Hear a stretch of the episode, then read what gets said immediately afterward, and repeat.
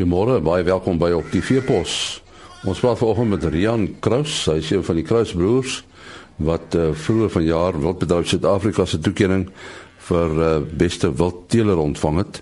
Ons gesels 'n bietjie met hom oor uh, die uh, wildboerbedryf uh, waarmee hy doenig is. En dan praat ons ook met Willem Basson.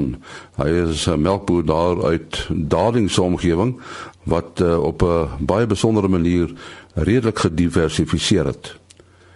Ons uh, gesels nou met uh, Rian Kraus. Hy is een van die Kraus broers wat uh, naby Kroonstad, uh, Steinsrus en Tabazimbi met onder meer wildboer en hulle is vroeër vanjaar as uh, wildteelers van die jaar aangewys deur deur Wildbedryf Suid-Afrika omdat hulle rolmodelle in die wildbedryf is. Hoe lank boer julle al met uh, uh, wildrian?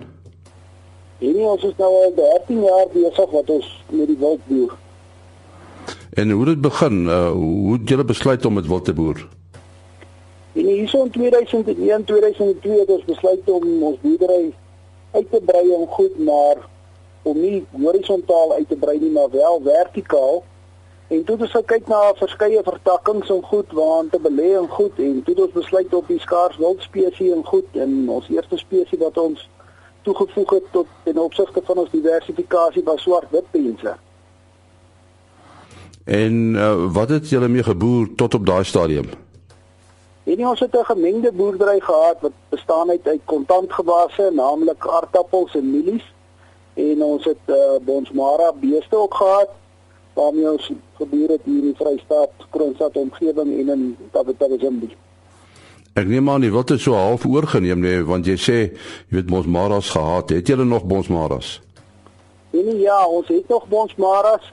Maar met die uitbreiding van die wild en goed wat ons kampe byspan en uitbrei en goed raak die weiding vir die beeste al hoe minder en goed. So ja, ons het nog beeste en goed maar hulle raak minder hier nie.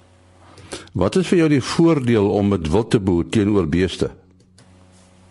En die voordeel is die toevoeging wat jy maak ten opsigte van jou boerdery, ehm um, wat jy jou verskans en opbrengs per hektaar wat jy in ten opsigte van beeste en dan die waarde wat jy aan jou tyd toevoeg in goed ten opsigte van inkomste per uur wat jy op die plaas boer en goed. Dit is baie makliker om 40 hektaar weer te ry waar 'n trop swart pense loop as waar 600 ons maar beeste op 3600 hektaar moet loop.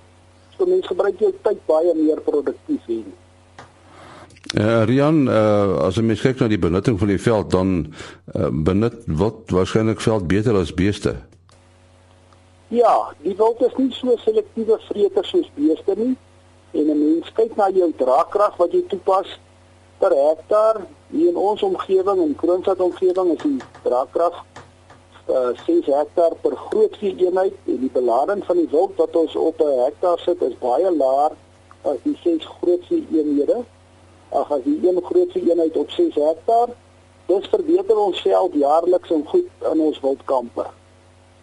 Nou jy jy te sê Kroonstad en omgewing, Vrystaat kan maar koud word, is dit 'n goeie gebied vir wild? Ja, Elie.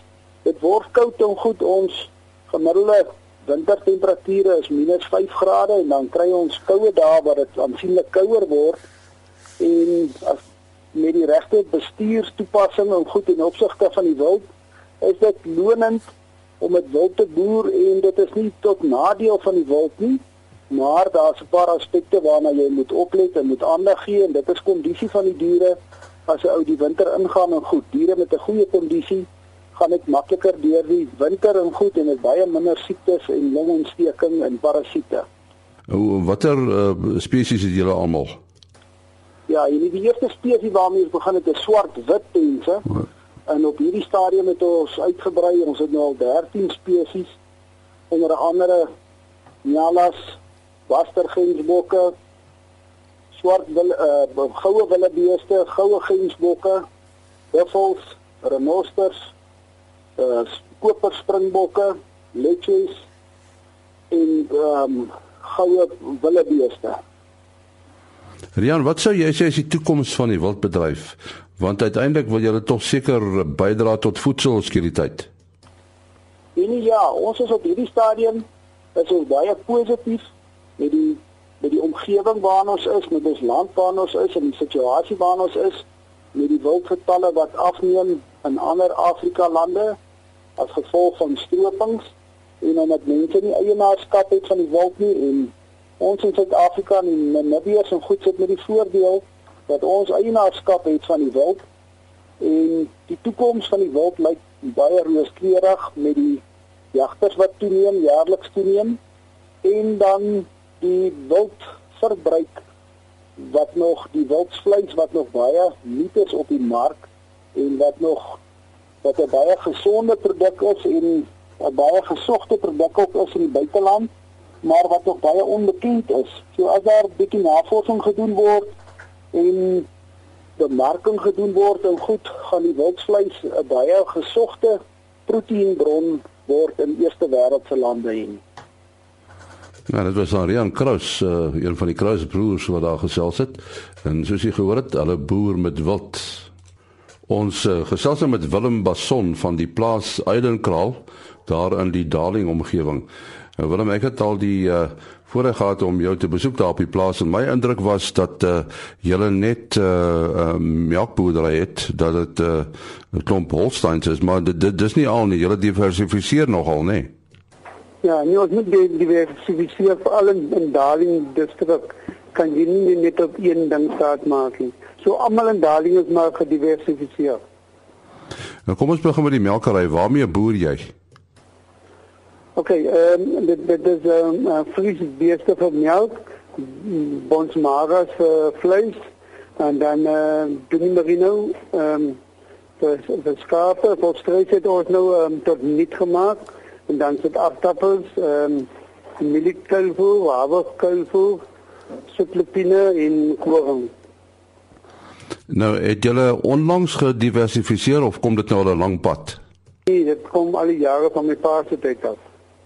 Ons het net in my pa se tyd het ons baie meer koring gesy en baie minder melk. Maar ons is nie in 'n uh, akkerbou dis uh, die um, omgewing ons vriendval is maar 300 mal 'n jaar en ehm um, na jy mos dit dan dan is jy weg.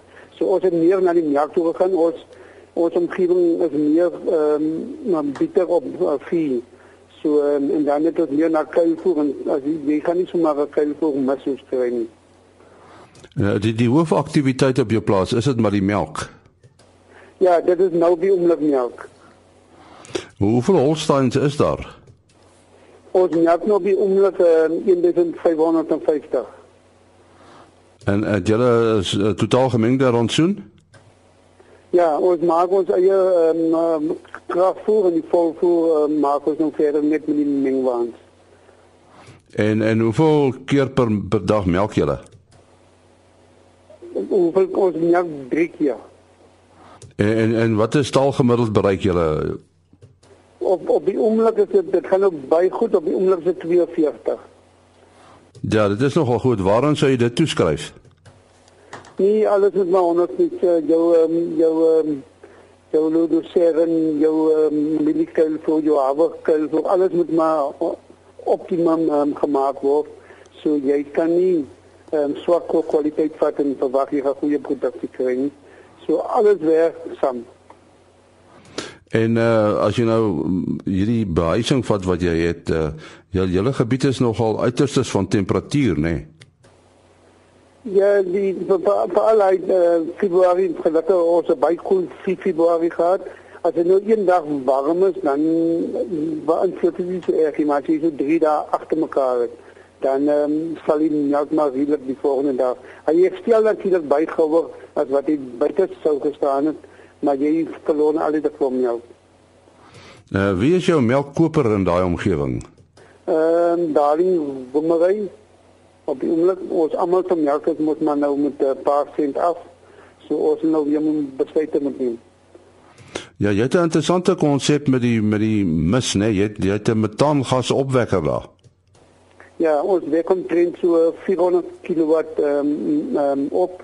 Die die die plaas uh, is kompunt is 550. So um, as ons as alles loop op die plaas, spulpunte, hammermeel, pulmasien, alles dan kort ons nog so 150 ehm um, kilowatt. Nou nou nie per dag nie vir daai ure wat ons nou alles gebruik. Um, ons wil nie nog 'n een staan maak net vir daai piktye nie, dan dan gebruik ons maar iets kom krag. En en jy sê die metaangas werk goed. Wanneer het jy die metaangas aanleg geïnstalleer? Die die eerste een ons het maar lankal geïnstalleer. Die eerste een loop seker nou ehm um, sê maar so 18 maande en die ander loop omtrent uh, die tweede een wat ons bygesit het is seker nou so 8 maande. Dis Atlantis engines wat omskep is, nê? Nee? Ja. Hulle het basiese diesel engine gevat en uh, en, en dan om om omskep na petrol engine toe. Sien maar die die injectors het gehad plaks en gesit natuurlik binne nie ehm um, uh, begin het skema wat vir die kompressie op die piston en so voort. Daai details sal hulle natuurlik weet nie. En uh hoeveel metaangas kry jy? Uh, hoe werk dit presies? Okay, ehm um, ou kan so Robert werk 4 koeie gee vir 1 kW ehm um, krag per dag. As ou nou 'n sommel maak as jy nou met die stelsel wil begin. Ja, dit vra nogal baie vir bestuur, nee, jy moet baie goed kyk na die opset. Ja, maar die ding is jy moet ehm um, ehm um, dat dit nie net die die die in in in in in die die die fakture wat belangrik is, die manier hoe jy die mis by mekaar maak en dan sorg dat dit daar uitkom. So jy het maar insette voor hom op nodig. Gelukkig het ons dit klaar gedoen of die fakture in was of uit was maak met die saak gemaak. Dit is besluit ons aan die opsie oorweeg om die om die fakture by te sit maar oomblik werk dit baie goed veral met iets kom se krag wat nou so onstabiel is. En en eh, het jy baie arbeid nodig vir uh, die soort van bedryf? Nee, want dit die, die skrapers is outomaties en die pompe en die en die roeders is outomaties so jy by man nodig.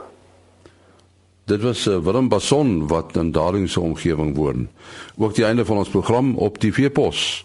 Môre maandagooggend om 4:45 is ons weer hier. Tot dan, mooi loop. Ah.